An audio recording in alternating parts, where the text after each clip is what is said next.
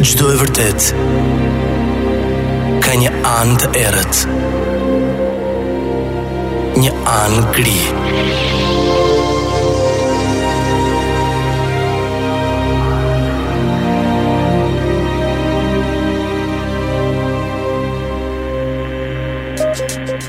Histogri.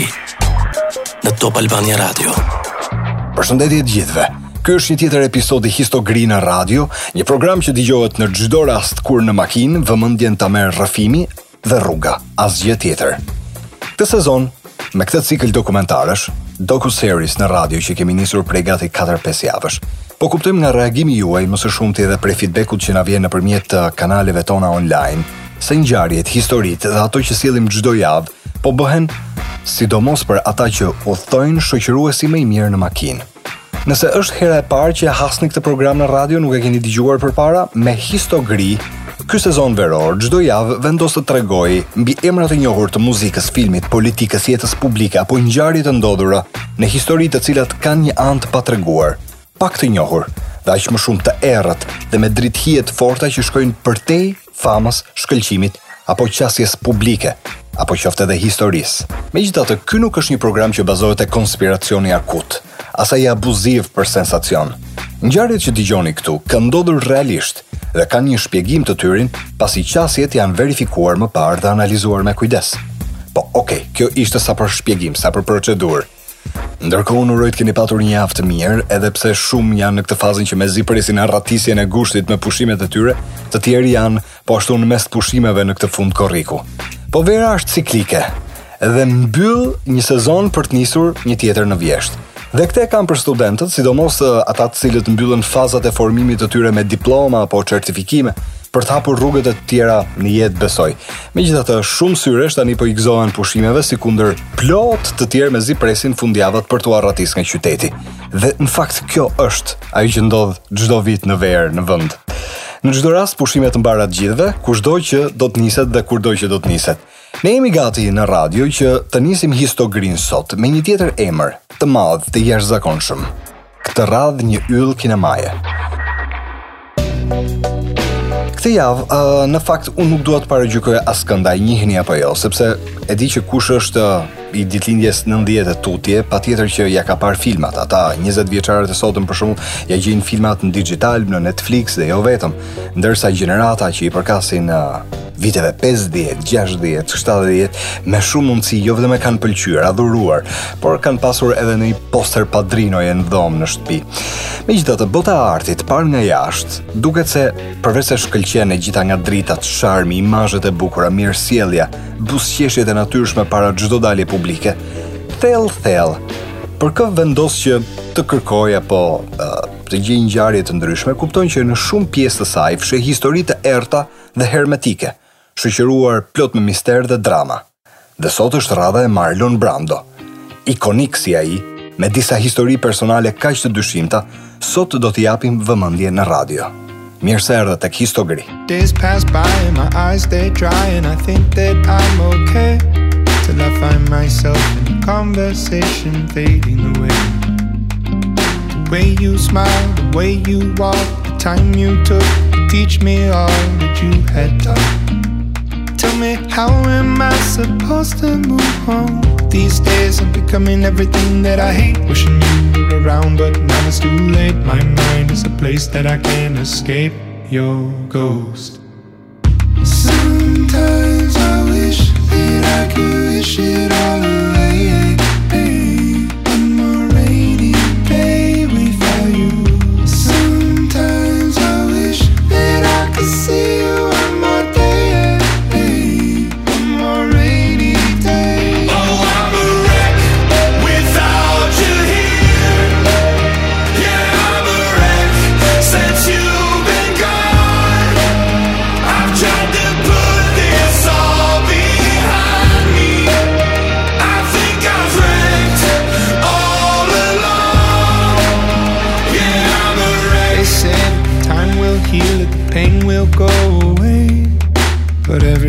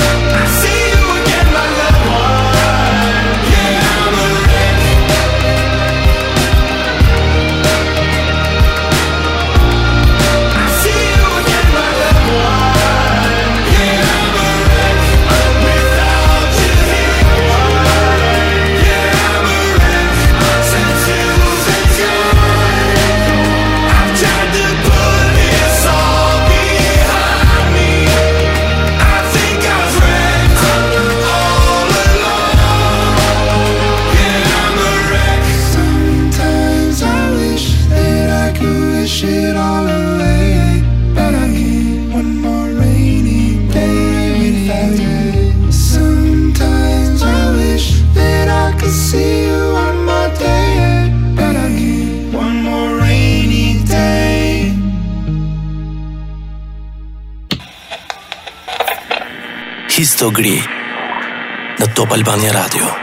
Ajo që do të dëgjoni sot në radio është historia e një vrasjeje tipike për romanet kriminale. Dhe nëse do të ishte shkruar, do të kishte qenë bestseller, më besoni, absolutisht, është shumë intriguese, sepse i ka të gjitha elementet. Një vendndodhje shumë ekzotike për krimin, një vrasje pa dëshmitarë, një skenë krimi plot me dhëna dhe gjurmë, si dhe protagonist në histori një aktor të njohur, fitues i çmimit Oscar, Marlon Brando. Ndoshta nuk është e lehtë të jesh fëmija i një ylli të kinemasë, por po aq unë besoj që nuk është e lehtë edhe të lindësh në një familje të varfër apo me një mal me probleme.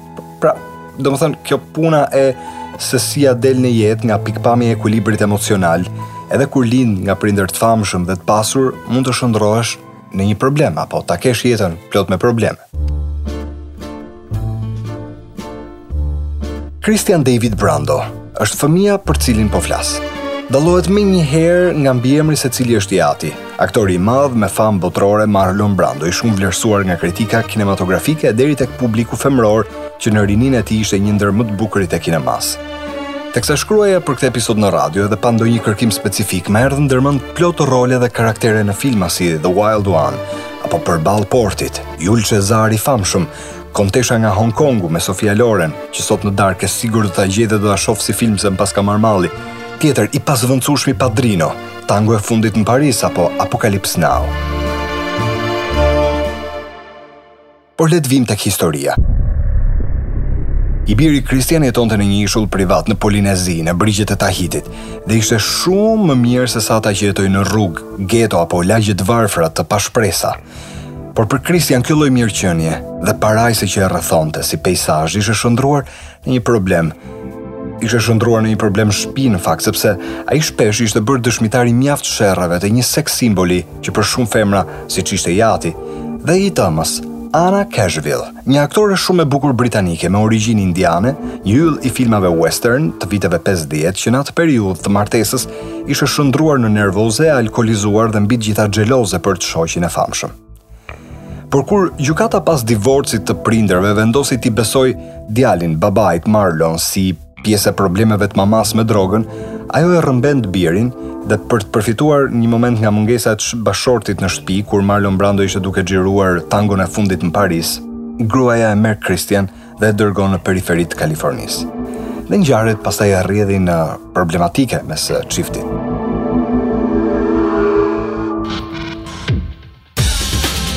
Pra nuk ishte një fëmijëri e qetë ajo e Christian Brando, që veç problemeve të prindërve i shtohen edhe problemet e tija.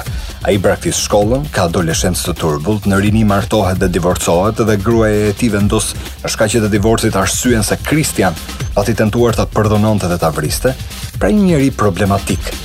Ndaj, në jetën e këtij pinjolli, nuk ishin të pakta telashet si ajo e plagosjes me armë të shokut të ngushtë, apo për shkak të kombinimit të dy pasioneve të rrezikshme e para dashurisë që kishte për armët, edhe e dyta përdorimit të vazhdueshëm të drogave të ndryshme. Pra një fëmijë problematik që do t'i hapte më vonë telashe babait të famshëm.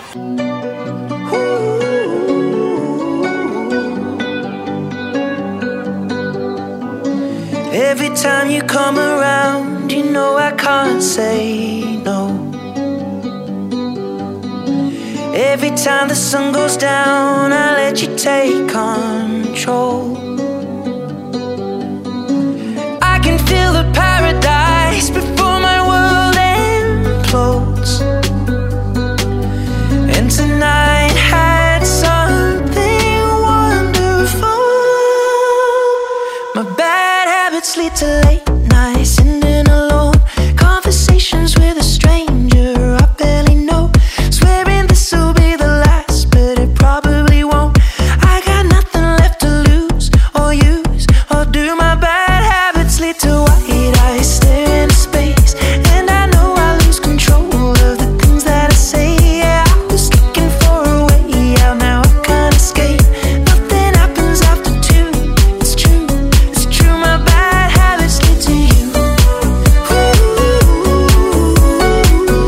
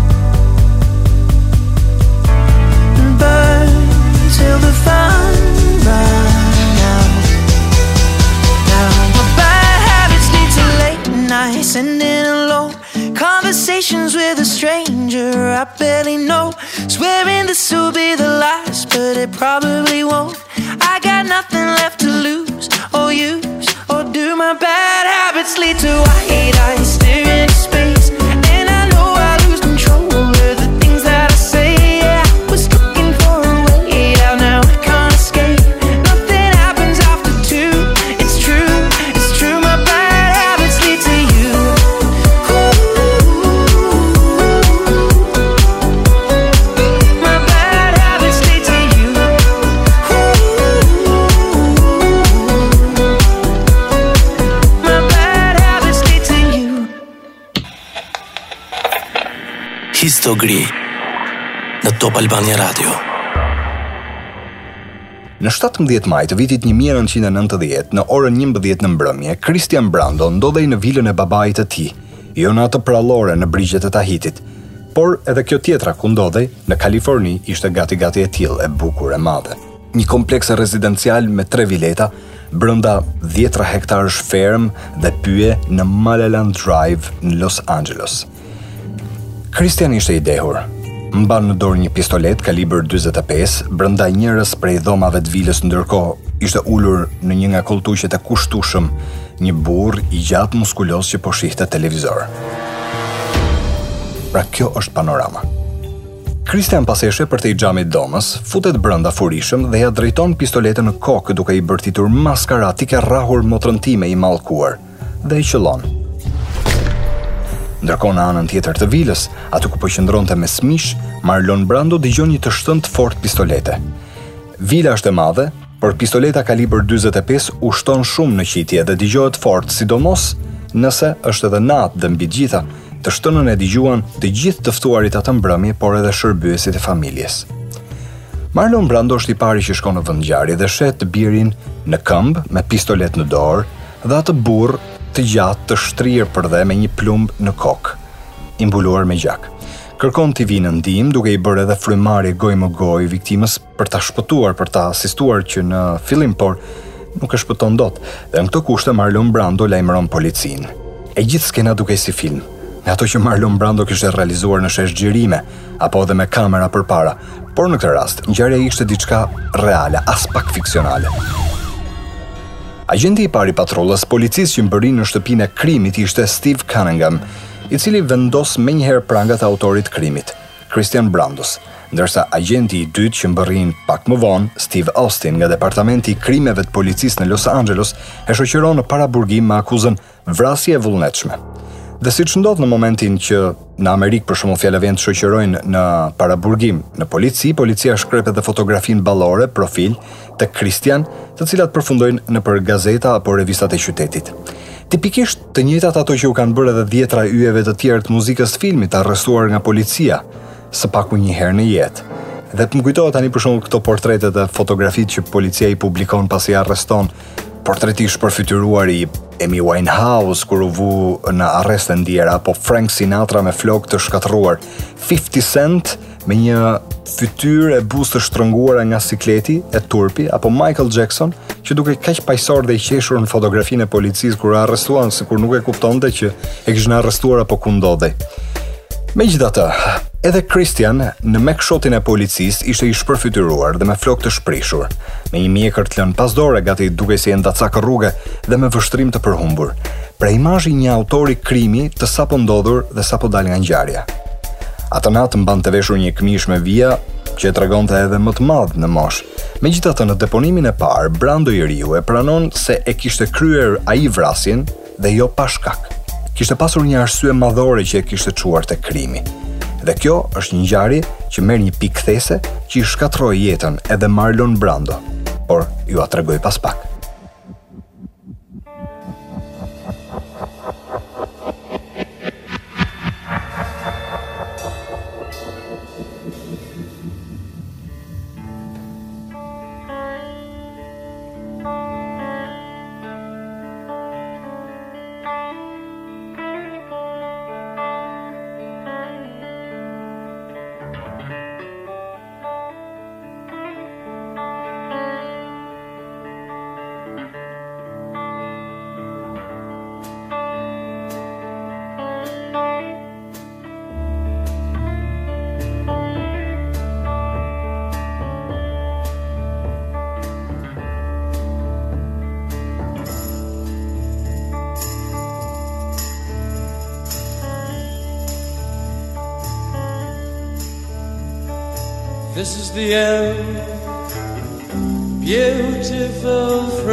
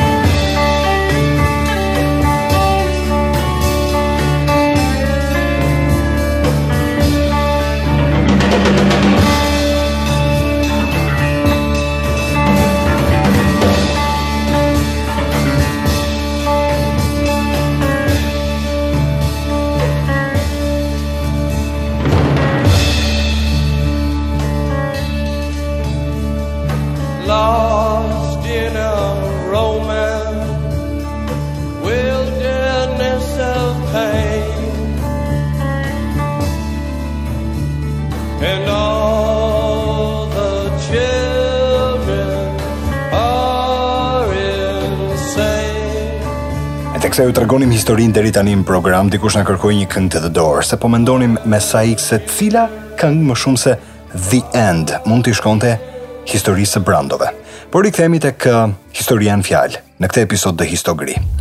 Kristian ka një motër që quhet Cheyenne, Tarita Cheyenne Brando. Dhe për të nuk ishte e lehtë të ishte fëmija i aktorit me famë me ndikim në kinematografinë e viteve 70 në Hollywood. Në moshën 11 vjeçare, Cheyenne u mburrej shoqeve të shkollës se ishte vajza më e bukur, më e mençur në gjithë Polinezinë, por edhe më e pasur rrjedhimisht pasi ishte bija e një aktori shumë të famshëm. Egoiste, megalomane, por edhe karakterialisht e dobët dhe e pasigurt, e re, ajo ishte një vajzë bukuroshe derisa në një moment të jetës i ndodh një aksident dhe shpërfytyrohet. Një aksident automobilistik kur makina e saj del nga rruga, pasi e ngiste e dehur nën efektin e drogës. Okej, Shajeni u nënshtrohet disa operacioneve estetike në fytyrë, Shajenit nuk i mungojnë parat dhe përgjithsisht përpiqet që të rikthehet tek imazhi i mëparshëm, por nëse më përpara ishte e pasigurt për veten, pas aksidentit bëhet edhe më shumë. Kristian e adhuronte të motrën, pavarësisht karakterit të saj të paqëndrueshëm. Jeta e saj ishte mbushur me turbullira dhe sherr, edhe pas largimit nga Tahiti kur vendosi të jetojë me të atin në Los Angeles me të cilin grindej vazhdimisht. Por Cheyenne ka një histori dashurie me një mikun e saj të fëmijërisë, me të cilin mbetet edhe shtatzënë. Ai quhet Dag Drollet, një mashkull i gjatë, brun, i cili për koincidencë kishte edhe një hije si vetë Marlon Brando. Shumë madje mendonin në atë periudhë që ata ishin motër e vla nga ngjashmëria e djalit me Marlon Brando, por ajo në fakt shkoi zgjodhi dikë që i shëmbëllente me të jatin në portret, sidomos kur buzëqeshte. Dag qëndron gjatë me Cheyenne, dhe e ndihmon edhe që të heqë dorë nga droga, alkooli, depresioni, skizofrenia, Probleme me të cilat bashkëjetesa bëhej më e vështirë dhe marrëdhënia midis tyre edhe më e komplikuar. Madje edhe vetë Marlon Brando i kishte kërkuar që të ndahej nga e bija me gjithë problemet që ajo kishte. Por dashuria mes tyre ishte e fortë dhe ata rikthehen bashkë. Shajen jeton në qytet ndërsa ai jetonte në vilën e vjerrit aktor.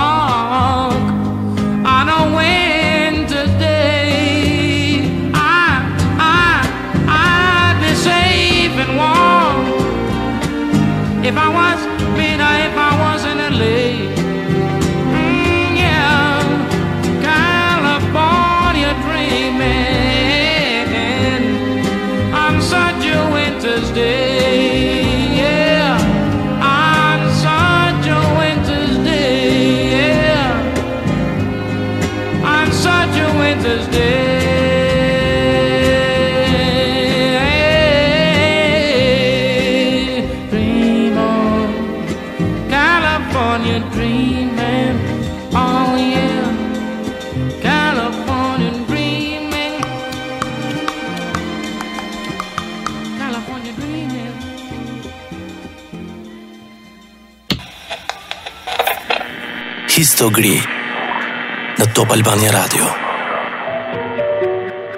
Në 17 maj të vitit 1990, Christian dhe Cheyenne, motër e vëlla, dalin për një darkë në Musso and Frank's Grill, një nga restorantet më ekskluzivë në Los Angeles në atë kohë. Dhe atë natë ata pinë shumë. Pinë shumë dhe duken të paqëndrueshëm emocionalisht. Christian është duke dëgjuar motrën me shumë vëmendje, teksa ajo po i ankohet për Dag Drollet, pra për të dashurin. Sipas saj, i dashuri e kishte përdhunuar dhe rrahur, e torturonte psikologjikisht dhe fizikisht. Shkurt, kjo vllait nuk i pëlqen dhe kur Christian kthehet në shtëpi, Nuk e heq dot mendjen kollaj nga rrëfimi i të motrës. Merr pistoletën, hyn në dhomën ku qëndronte Dag Drollet dhe e qëllon direkt. Lajmi përfundon në të gjitha gazetat dhe televizionet e kohës dhe procesi gjyqësor që pasoi shndërrohet në një nga ngjarjet më të bujshme të atij viti. Pasi Christian hyn në burg, dhe për të mos u larguar nga Shtetet e Bashkuara të Amerikës, gjykata vendosi për të si masë financiare një garanci pasurore prej 10 milion dollarësh.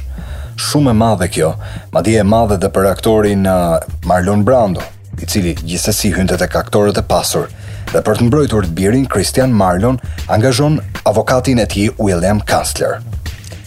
Nuk diskutohej që Christian ishte vrasësi i Dag Drollet, kunatit në shtëpinë e të atit aktor, por pas provave se kunati viktimë e kishte rrahur vajzën e familjes Brando, dëshmitë e mëvonshme treguan se historia e asaj nate e treguar nga Cheyenne ishte një mashtrim. Ajo e sajoi të gjithë këtë histori dhe i tregoi e dehur të vëllait një ngjarje të pavërtetë dhe për këtë arsye dhe për arsye të tjera që ajo pretendonte se ishin të vërteta. Thirty two year old Christian Brando is charged with first degree murder and illegal possession of firearms. His defense attorneys pleaded for bail arguing Brando is no threat to society. But prosecutor Stephen Barshop played hard on the first degree murder charge, calling it a no bail case. Hetuesit dhe avokatët më pas u përpoqën të kuptonin ekzaktësisht çfarë kishte ndodhur atë natë. Christian në gjyq doli me variantin e vetëmbrojtjes.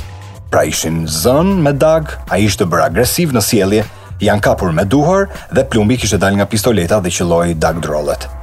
Por sipas prokurorëve e vërteta kishte qenë krejt ndryshe. Dag ishte qëlluar direkt pas koke, pa hezitim. Madje këtë e konfirmonin edhe mjekët e ambulancës, të cilët thanë se e gjetën viktimën me cigare në dorë dhe me telekomandën në dorën tjetër. Pra një vrasje pas shpine e qartë e pastër. nuk ishte një aksident. Madje e klasifikuar dhe vrasje e shkallës së parë, por prokurorisë i mungonte deponimi i motrës së vrasësit, të dashurës së viktimës, Cheyenne. Për atë që ajo i tregoi vëllait atë mbrëmje në mënyrën se si ia tha, që u bë dhe zanafilla e krimit në vilën e Marlon Brando. Por ajo nuk gjendet sepse babai aktor dhe i famshëm e zhduk menjëherë nga vendngjarja.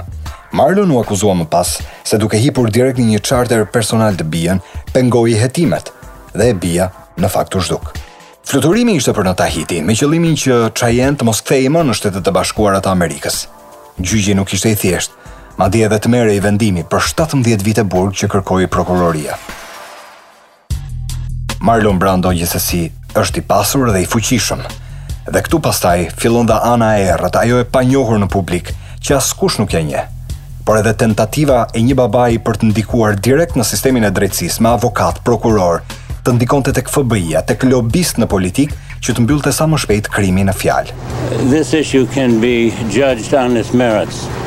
And I think that uh, uh, I'm happy about that. Christian has been depressed and I think that he should not be punished uh, simply because he has uh, a father that happens to be well known. Avokatët po aq të fuqishëm filluan të deklaronin më pas se ky proces tamam tamam nuk ishte i të birit, por ishte i aktorit baba që po tentonte me çdo kusht të nxirrte të birin nga situata. Por pavarësisht të gjitha ndërhyrjeve dhe influencës, ndikimit në disa raste u dyshua edhe për futje të miqve politikanë në këtë çështje. Megjithatë nuk shkon ashtu siç donte Marlon Brando. I biri Christian dënohet, jo me 17, por me 10 vite burg gjithsesi. Por edhe pasi del nga burgu, jeta e tij nuk është e qetë. Ai martohet me një vajzë që quhet Deborah, e cila më pas pretendonte në Los Angeles se ishte bija ilegale e Elvis Presley-t. Por edhe ajo e denoncon Christian Brando se e kishte rrahur, tentuar ta vriste Dhe për këtë djali problematik bën edhe 3 vite të tjera burg më pas.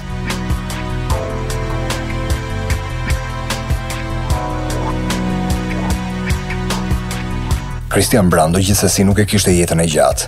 Ai vdes nga ftohja pulmonare në janar të vitit 2008 në moshën 29 vjeçare. Christian Brando, the eldest son of famed actor Marlon Brando, has died. The younger Brando died from pneumonia at a Los Angeles hospital at age 49. Christian Brando tried to follow in his father's footsteps, but he was known more for his brushes with the law than for his acting. In 1990, he shot and killed his sister's boyfriend. He claimed the shooting was an accident, but he still pled guilty to manslaughter and spent five years in prison. He was also romantically involved with Bonnie Lee Bakley, who was shot and killed in 2001.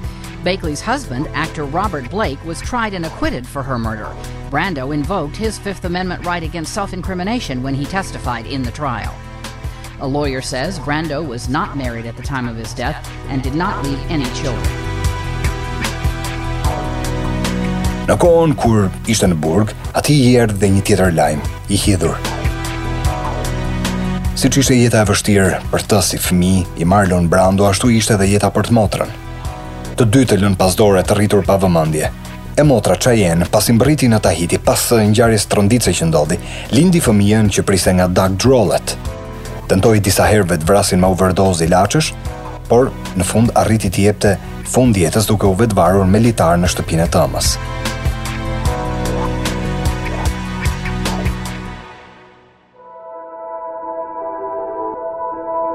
Megjithatë shkëlqimi, fama, adhurimi për Marlon Brando ka qenë dhe mbeten në botë.